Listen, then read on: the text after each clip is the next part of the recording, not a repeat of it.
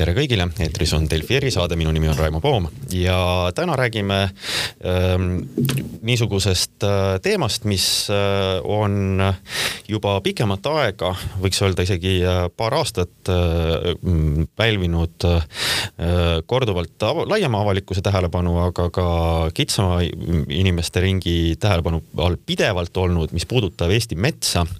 selle tulevikku äh,. ikka on olnud vaidlused selle üle, et, et kui palju on paras Eesti metsa äh, siis äh, raiuda äh,. kas seda tehakse liiga palju, väga paljud inimesed arvavad, et seda tehakse liiga palju. et Eesti mets on tehtud juba nii auguliseks nagu nagu hea Šveitsi juust ja, ja kui sinna neid auke juurde tuleb, siis see ei näe enam hea välja teised jällegi leiavad, et, et äh, Eesti metsas on väga palju valmis metsa, mida tuleks, tuleks kasutada ja, ja kõik see niisugused vaidlused on viinud selleni, et, et ega meil ei ole äh, kui käes on aasta kaks tuhat kakskümmend üks, äh, ei ole meil paigas äh, juba eelmine aasta lõppenud metsamajanduse arengukava järgi siis uut arengukava, mis ütleks, et kui palju siis on paras Eestis raiuda. Ja selles suhtes oli väga huvitav, et eelmisel nädalal Keskkonnaministeerium avalikustas siis uuringu, mille nende tellimusel tegi Maaülikool ja Keskkonnaagentuur kus vaadati hoopis metsa äh, Euroopa Liidu kliimaeesmärkide äh, siis äh, raames ja, ja kuidas, kuidas sellega lood on. kirjutasin ise sellest ka eilsesse Eesti Päevalehte pikema loo, kus saab natukene selle taustaga ennast kurssi viia, mis on kasulik, kui saadet kuulata ja küsimus on lihtsalt selles, et, et Äh, tänasel päeval ähm, ei ole meil siis süsinik äh, kasvuhoonegaasi ehk CO2 süsinikdioksiidi salvestamiseks maailmas eriti muud võimalust kui loodus ise, eelkõige mets, mis seda kinni peab, seda salvestab, seda äh, õhust siis puiduks muudab sisuliselt. ja Euroopa kliimaeesmärkides on, on märgitud, et kui me tahame jõuda neutraalseks, kliimaneutraalseks, siis me peame tagama et metsad seda süsinikdioksiidi seovad, et, et äh, seda metsas säilitatakse ja ka puidutoodetes säilitatakse. ja see paneb äh, niisugused omaette piirid äh, ka sellele, mida saab Eesti metsaga teha. ja täna on meil stuudios Eesti Metsa- ja Puidutööstuse Liidu juht Henrik Välja. tere hommikust tere hommikust! ja tegelikult äh, miks ma teid kutsusin, ongi see, et, et seesama äh, uuringus äh, siis koomale tõmmatud ring selles osas, et mida Eesti metsas saab teha või kuidas sellega peaks edasi minema, just nimelt kliimapoliitika valguses, see äh, ju kõige otsesemalt äh, puudutabki äh, metsa- ja puidutööstust, et äh, ma, ma alustaks sellega, et, et tegelikult kui teadlased vaatasid siis või eksperdid vaatasid neid erinevaid võimalusi, stsenaariume seal, et kui palju siis Eesti metsas võiks raiuda, äh, siis äh, noh, mitte niisugusest äh, väga suurtest kogustest unistustest ei saa juttugi olla, et et pigem kui vaadata siin möödunud aastate taset, siis natukene peaks, peaks seda raiumist vähendama no tegelikult, kui me vaatame eelmise kümnendi keskmisi raiemahte, siis need jäävad kuskil kümne miljoni tihumeetri juurde ja, ja raiemahtusid kindlasti kunagi ei tohiks vaadata kitsalt ühe aasta lõikes, vaid pikemaajalise keskmisena. et see kümnemiljonine raiemaht jääb kenasti äh, kooskõlla ka selle uuringu tulemustega aga mis on võib-olla olulisem, on see, et, et seda LULUCF sektorit peab vaatama ikkagi tervikuna, ta puudutab äh, rohkemat kui ainult metsamajandust, ta puudutab ka turba kaevandamist, põllumajandust ja mis on hästi oluline, ta vaatab ka puittooteid, ehk siis, et milleks me metsa majandame, on selleks, et saada puitu. Nende puittoodete kasutamisel on positiivne mõju. just, just, just, ma jõuan sinna sinna keerulise selle LULUCF äh, nime juurde ka veel, eks ju. Ähm, aga, aga räägiks sellest samast äh, puittoodetest tegelikult, et, äh, et kui arvutatakse seda, et kui palju Eestis siis mets seda CO2 kinni püüab ja salvestab, siis jah, ühelt poolt on see, mis meil on siis metsas ja puu ja kasvab. aga sellele nii-öelda täiendus on see, et kui palju sellest aastasest siis raiest jõuab pikaajalistesse puidutoodetesse, ehk siis kui äh, näiteks äh, siis tehakse palkmaju või tehakse mm, siis äh, saematerjali, siis see arvestuse järgi kestab väga palju, väga palju aastaid, seega süsinik säilib, see ei lendu kuskile, see säilib kinnipüütuna. ja selles osas pöörab ka suurt tähelepanu, et tegelikult oleks vaja vaadata, et kuidas kuidas äh, Eestis nagu rohkem teha niisuguseid pikaajalisi asju. ja ma ei tea, kuidas te, see on just nagu teie liidu siis äh, organisatsioonide ja ettevõtete ülesanne, et kuidas äh, Eestis seda rohkem teha, et et kui te selle, seda, sellele uuringule otsa vaatate, siis mis te ütlete, kuidas teha seda, et, et Eesti puit ei läheks pelletina ähm, kuskile ahju, vaid, vaid muutuks muutuks pikaajalisteks toodeteks? no sellega ongi nüüd nii, et ega igast eh, puutükist ei ole võimalik kahjuks pikaajalist toodet teha, et meil alati jääb eh, seda kogust puud, mida kasutada energeetikas ja, ja kus tal on ka oluline roll fossiilsete kütuste asendamisel. aga kindlasti on võimalik eh, teatud kohtades nende puidust toodete eluiga pikendada. kõik see tegelikult algab pihta metsast, ehk siis, et kui pikk pikaajalisi tooteid me saame teha, sõltub sellest, milline puu tuleb metsast välja. kui tegemist on kvaliteetse palgiga, millel ei ole mädaniku, kõverusi või, või põdrakahjustusi, siis saab temast teha saematerjali, millest tõesti tulevad pikaajalised tooted. aga kui nüüd näiteks äh, iseenesest ilus kuusepalk jämeda diameetriga on äh, seest südamemädanikuga äh,, siis kahjuks ei ole temaga muud teha kui kütet ja, ja seetõttu nii-öelda läheb ta lühiajalisesse tootesse. ja see tegelikult tõmbab tähelepanu sellele, kui oluline on metsa majandada. majandada selliselt, et need puud, mis seal kasvaksid, oleksid äh, terved, oleksid äh, kvaliteetsed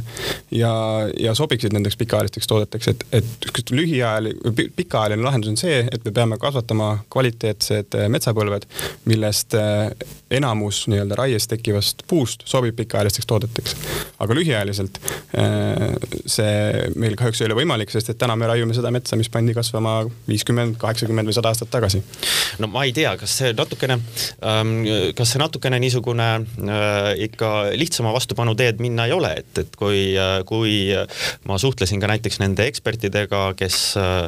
äh seda, selle uuringu äh, taga olid, siis noh, nad ütlesid ka ikkagi selgelt, et, et noh, tuleviku variant on see, et me peame sisuliselt proovima kõik kokku liimida, mis meil, mis me saame ja tegema sellest äh, siis äh, pikaajalised tooted, et, et mm. -hmm. aga, aga jah, et nagu nad seal uuringus ka kenasti välja tõid, selleks oli toodud mõned ka ettepanekud, millest üks oleks plaaditehas ja üks on tselluloositehas.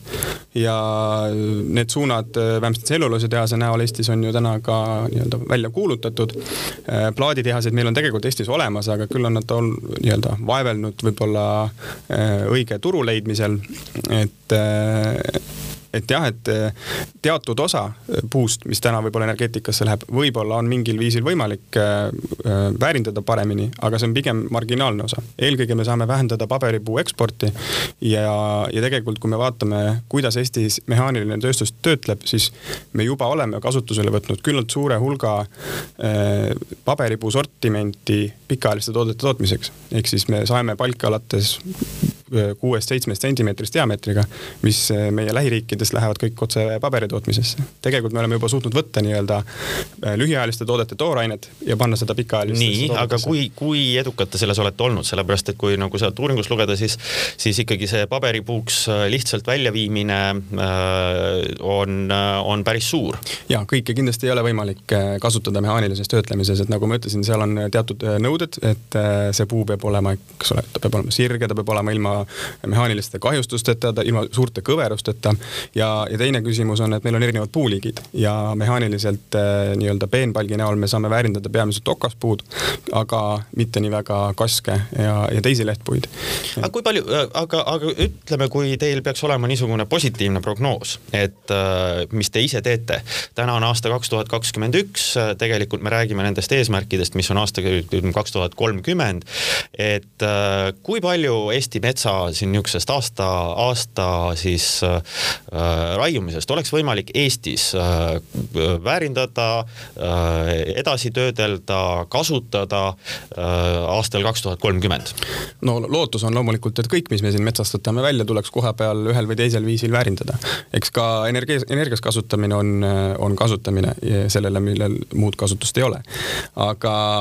aga jah, et äh, kõige, kõige kriitilisem punkt ongi kindlasti paberipuuga, sest et äh, muudes sortimentides tegelikult me täna suudame isegi Eestisse tuua juurde, kui me räägime mehaanilisest sortimendist, millest tehakse pikaajalised tooted, siis me toome Eestisse sisse nii saepalki kui saematerjali, millest me siin tooteid edasi teeme.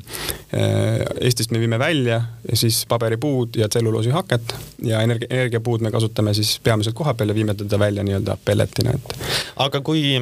kui see nii-öelda välja kuulutatud Ida-Virumaa tselluloositehase plaan plaan, mida VKG ajab, et,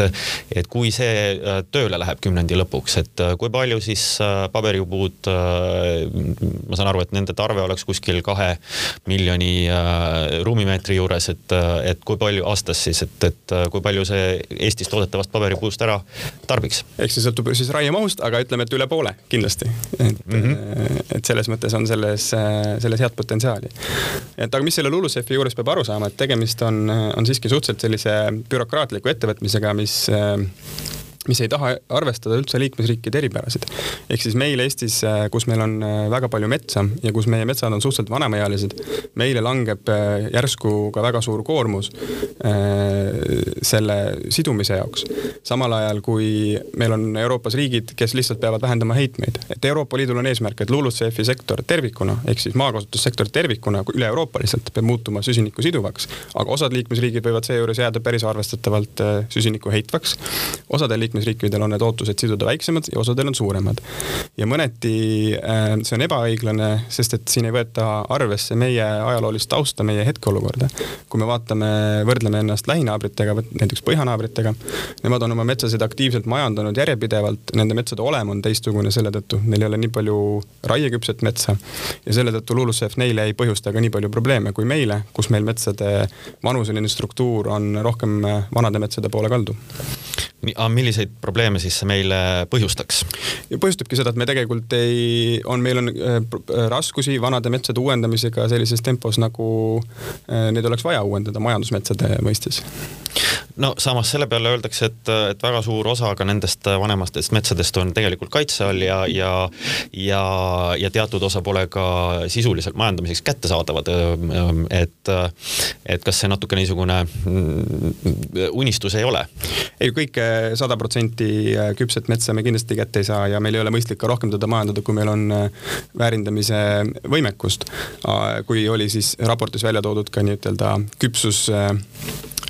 küpsus, äh, lang-, küpsusarvestuse raiemahud, eks ole, mis näeksid ette, meil järgmisel kümnel aastal raiume peaaegu kakskümmend miljonit tihumeetrit ja pärast seda kukub drastiliselt alla, et siis see on kindlasti selline stsenaarium, mida keegi ei oota. aga äh, selles mõttes, et põhimõtteliselt on, on meil vajalik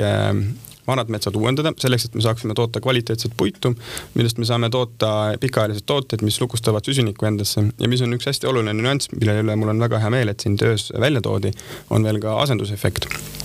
ehk siis kui me kasutame puidust tooteid äh, suurema keskkonnajalajäljaga alternatiivide asemel, siis jääb väga suur hulk energiat äh, õhku paiskamata. ja selle mõju on kusjuures äh, oluliselt suurem kui nii metsade kui puittoodete süsiniku sidumise mõju mm. -hmm absoluutselt. see kogu aeg käib jutust läbi see, et on vaja kvaliteetseid metsasid ja, ja, ja, ja selliseid, mis on siis ette nähtud nende to, nii-öelda toodete tegemiseks, et noh, eks siin ju ma eeldan, et ikkagi viimastel aastatel äh, see nii-öelda äh, maha raiutud metsa asemele on ju ka seda siis pandud äh, idanema. ja teiseks, mis siin käsitletakse, on ka see, et selles uuringus, et tegelikult noh, arvestades siis Äh, neid kliimaeesmärke, et ega pole pääsu, tegelikult tuleks metsa, metsamaad suurendada, tuleks rohkem kasvama panna metsa, see on tegelikult seesama, mis, mis te ju soovite, et, et oleks siis äh, niisugusi äh, selgelt majandamisele suunatud metsasid rohkem. et et kas te sellega, sellega põhimõtteliselt olete nõus, et metsa oleks veel juurde vaja? ma olen põhimõtteliselt loomulikult kahe käigu poolt, kui meil on võimalik metsamaa pindala suurendada, siis söötismaade arvelt võiks seda teha, küll aga ma näen, et Eestis on seda maad pigem keeruline leida. Ja see on jälle koht, kus ma ütlen, et Euroopa Liit natukene ebaõiglaselt seab seda koormust oma liikmesriikidele, võtmata arvesse neid kohalikke konteksti, et Eestis, kus meil on juba selle LULUCF-i arvestuse järgi pea kuuskümmend protsenti maismaast äh, metsaga kaetud, et seal on metsa definitsioon veidi erinev äh, meie riiklikust metsa definitsioonist. Äh, pluss meil on, eks ole, teatavasti märgalasid, kakskümmend peale protsenti. ja meil on ka põllumaad ja asu, asustusalad, et kust see maa tuleb, on, on minu jaoks see küsimus. aga muidu kahe käega poolt mm. -hmm. Uh, kui vaadata veel seda, sedasama uuringut, siis äh, Äh, siis äh, ähm, ma korraks seletan lahti selle LULUCF-i äh, mõiste, mis, mis siin on, et ehk siis seal arvutatakse kokku inimtekke, siis inimese põhjustatud muutuseid metsanduses ja maakasutuses, mis puudutavad siis süsinikuheiteid. Ähm, ja maakasutuse mõttes läbi käis siin see märgalade mõte või mõiste ja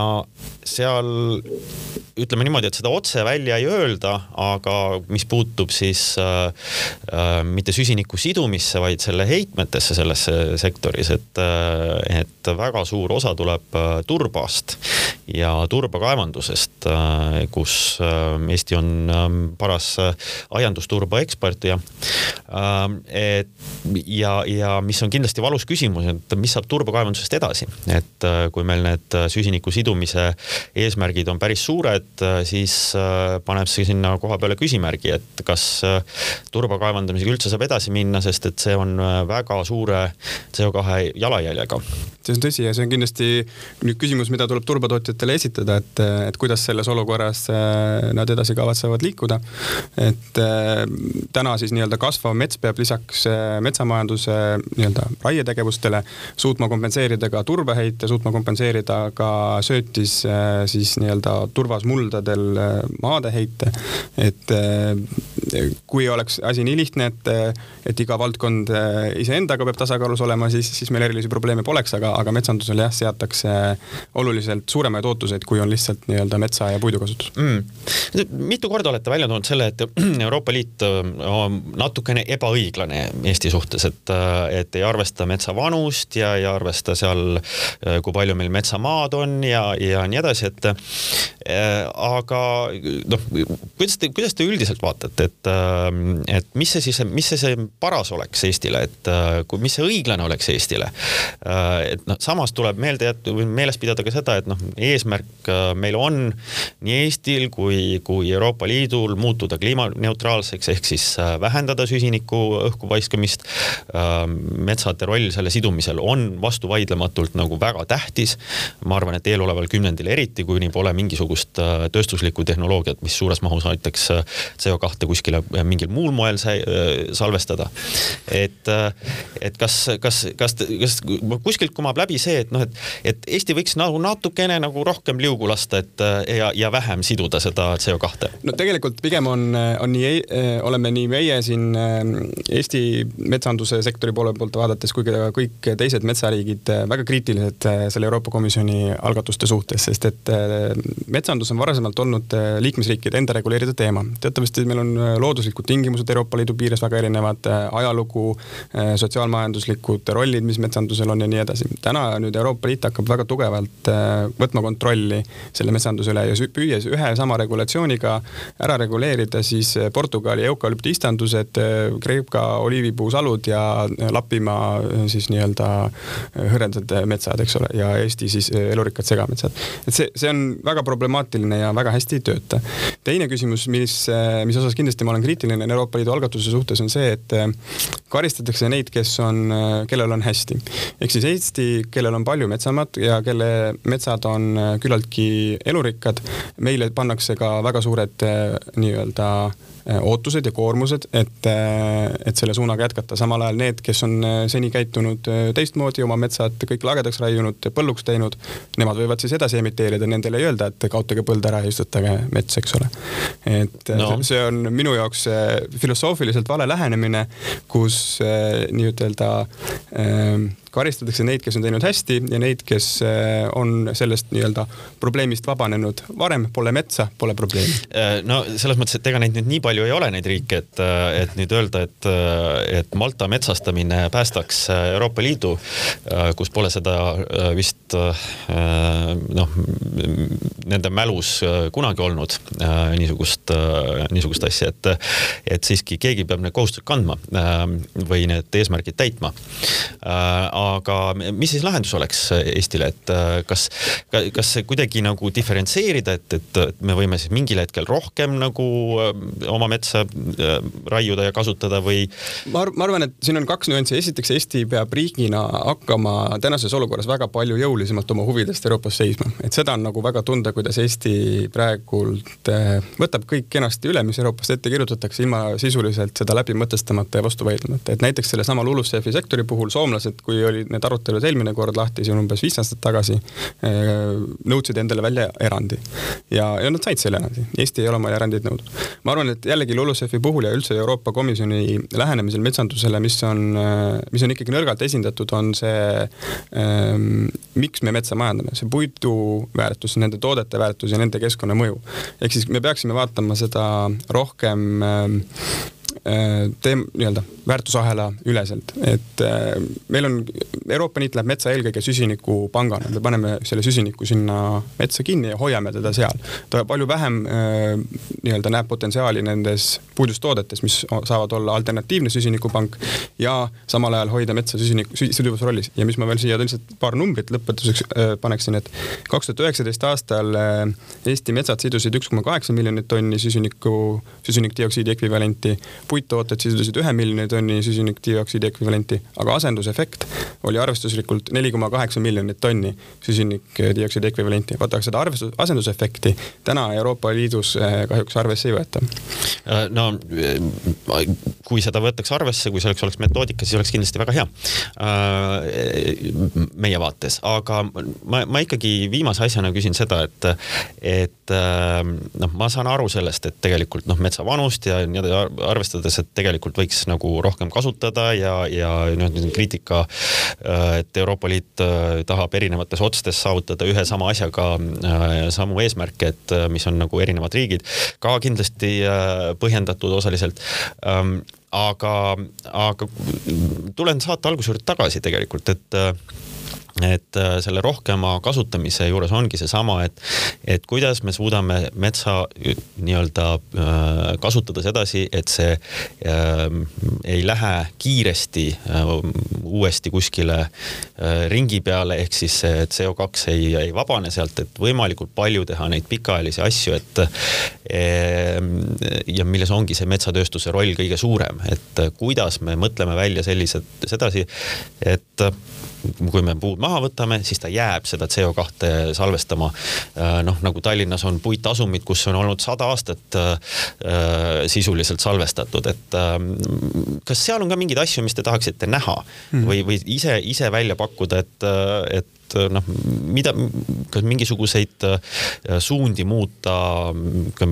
riikliku poliitikaga ehituses, mingites muudes valdkondades, mis seda soodustaksid? kindlasti puidu kasutamine ehituses on see kõige äh, selgem ja kiirem viis, kuidas seda süsinikku pikaajaliselt toodetesse lukku panna ja, ja kindlasti tahaks näha, et riik äh, võtaks siinkohal jõulise rolli, et aidata see turg nii-ütelda äh, turutõrkest välja. täna ma ütlen, et, et puidu kasutamine mastaapsemalt ehituses on turutõrkes, sellepärast et äh, meie ehitusturg on optimeeritud teiste materjalide kasutamise peale ja, ja puidu kasutamine nende jaoks tähendab lisakulu, aga klient täna ei premeeri ehitussektoris keskkonnasõbralikkust. millest see lisakulu sealt tekib? lihtsalt selles, et iga ahela ekspert peab ähm, tegema tööd materjaliga, millega ta pole harjunud tegelema, ehk siis ta peab kulutama mõned lisatunnid, et seda uurida, et äh, teistsuguseid lahendusi kasutada ja nii edasi ja see kumuleerub, eks ole, et arhitekt peab tegema natuke teistmoodi, insener peab natuke tegema teistmoodi, eelarvestaja, ehitaja, kõigil on natukene vaja teistmoodi teha, mis tähendab esimest korda tehes alati kõigile natukene lisatöötundi. aga täna turg ei premeeri kinnisvarasektoris keskkonnasõbralikkust ehk siis näiteks, näiteks puidu kasutamist, et klient nendele seda lisatundi kinni ei maksa ja selle tõttu seal puudub nii-ütelda motivaator, et selles kohas saaks riik kindlasti aidata välja, kännu tagant välja. aga kas selles, selles mõttes, et kui, kui nagu laialt vaadata neid eesmärke, kas te, kas te näete niisugust võimalust, et tegelikult või mingisugune niisugune puit, puitarhitektuuri ja puitehituse renessanss kergelt öeldes käima minna väga kiiresti? see juba käib kümme aastat väljaspool Eestit no aga ma mõtlen just Eestis. et äh, Eestis ma arvan, et ta tegelikult on ka tulemas, et me oleme näinud ikkagi, me oleme Metsa- ja Puidutööstuse Liiduga korraldanud äh, aasta puitehituse võistlust, nüüd sellel aastal tuleb see üheksateistkümnendat korda. ja viimastel aastatel nende sinna võistlusele esitatud objektide kvaliteet on teinud ikka hüppelisi kasve. et meil on aina, aina suuremaid hooneid, meil on, eks ole, tehtud riigigümnaasiume, mis on tehtud äh, puidust, meil on Keskkonnaministeeriumi uus suur kontorihoone tulemas puidust. et äh, neid objekte juba tehakse, aga muidugi tahaks näha, et see areng oleks kiirem, et ka rohkem ka elamuehituse turule, korteriehituse turule jõuaks, jõuaks just see puidukasutus nii, aga arvestades seda, kui tähtis see meile kliimaeesmärkide suhtes on, ükskõik kuidas me neid riigile seatud eesmärke ka ei vaata, siis eks tundub nagu paratamatu suund, et puitu peab rohkem kasutama lähikümnenditel. siis jääme ootama, et see annab tulemusi ja seniks ütleme aitäh Henrik Väljale täna Delfi erisaatesse tulemast. Ja Delfi erisaade on eetris taas homme, kuulmiseni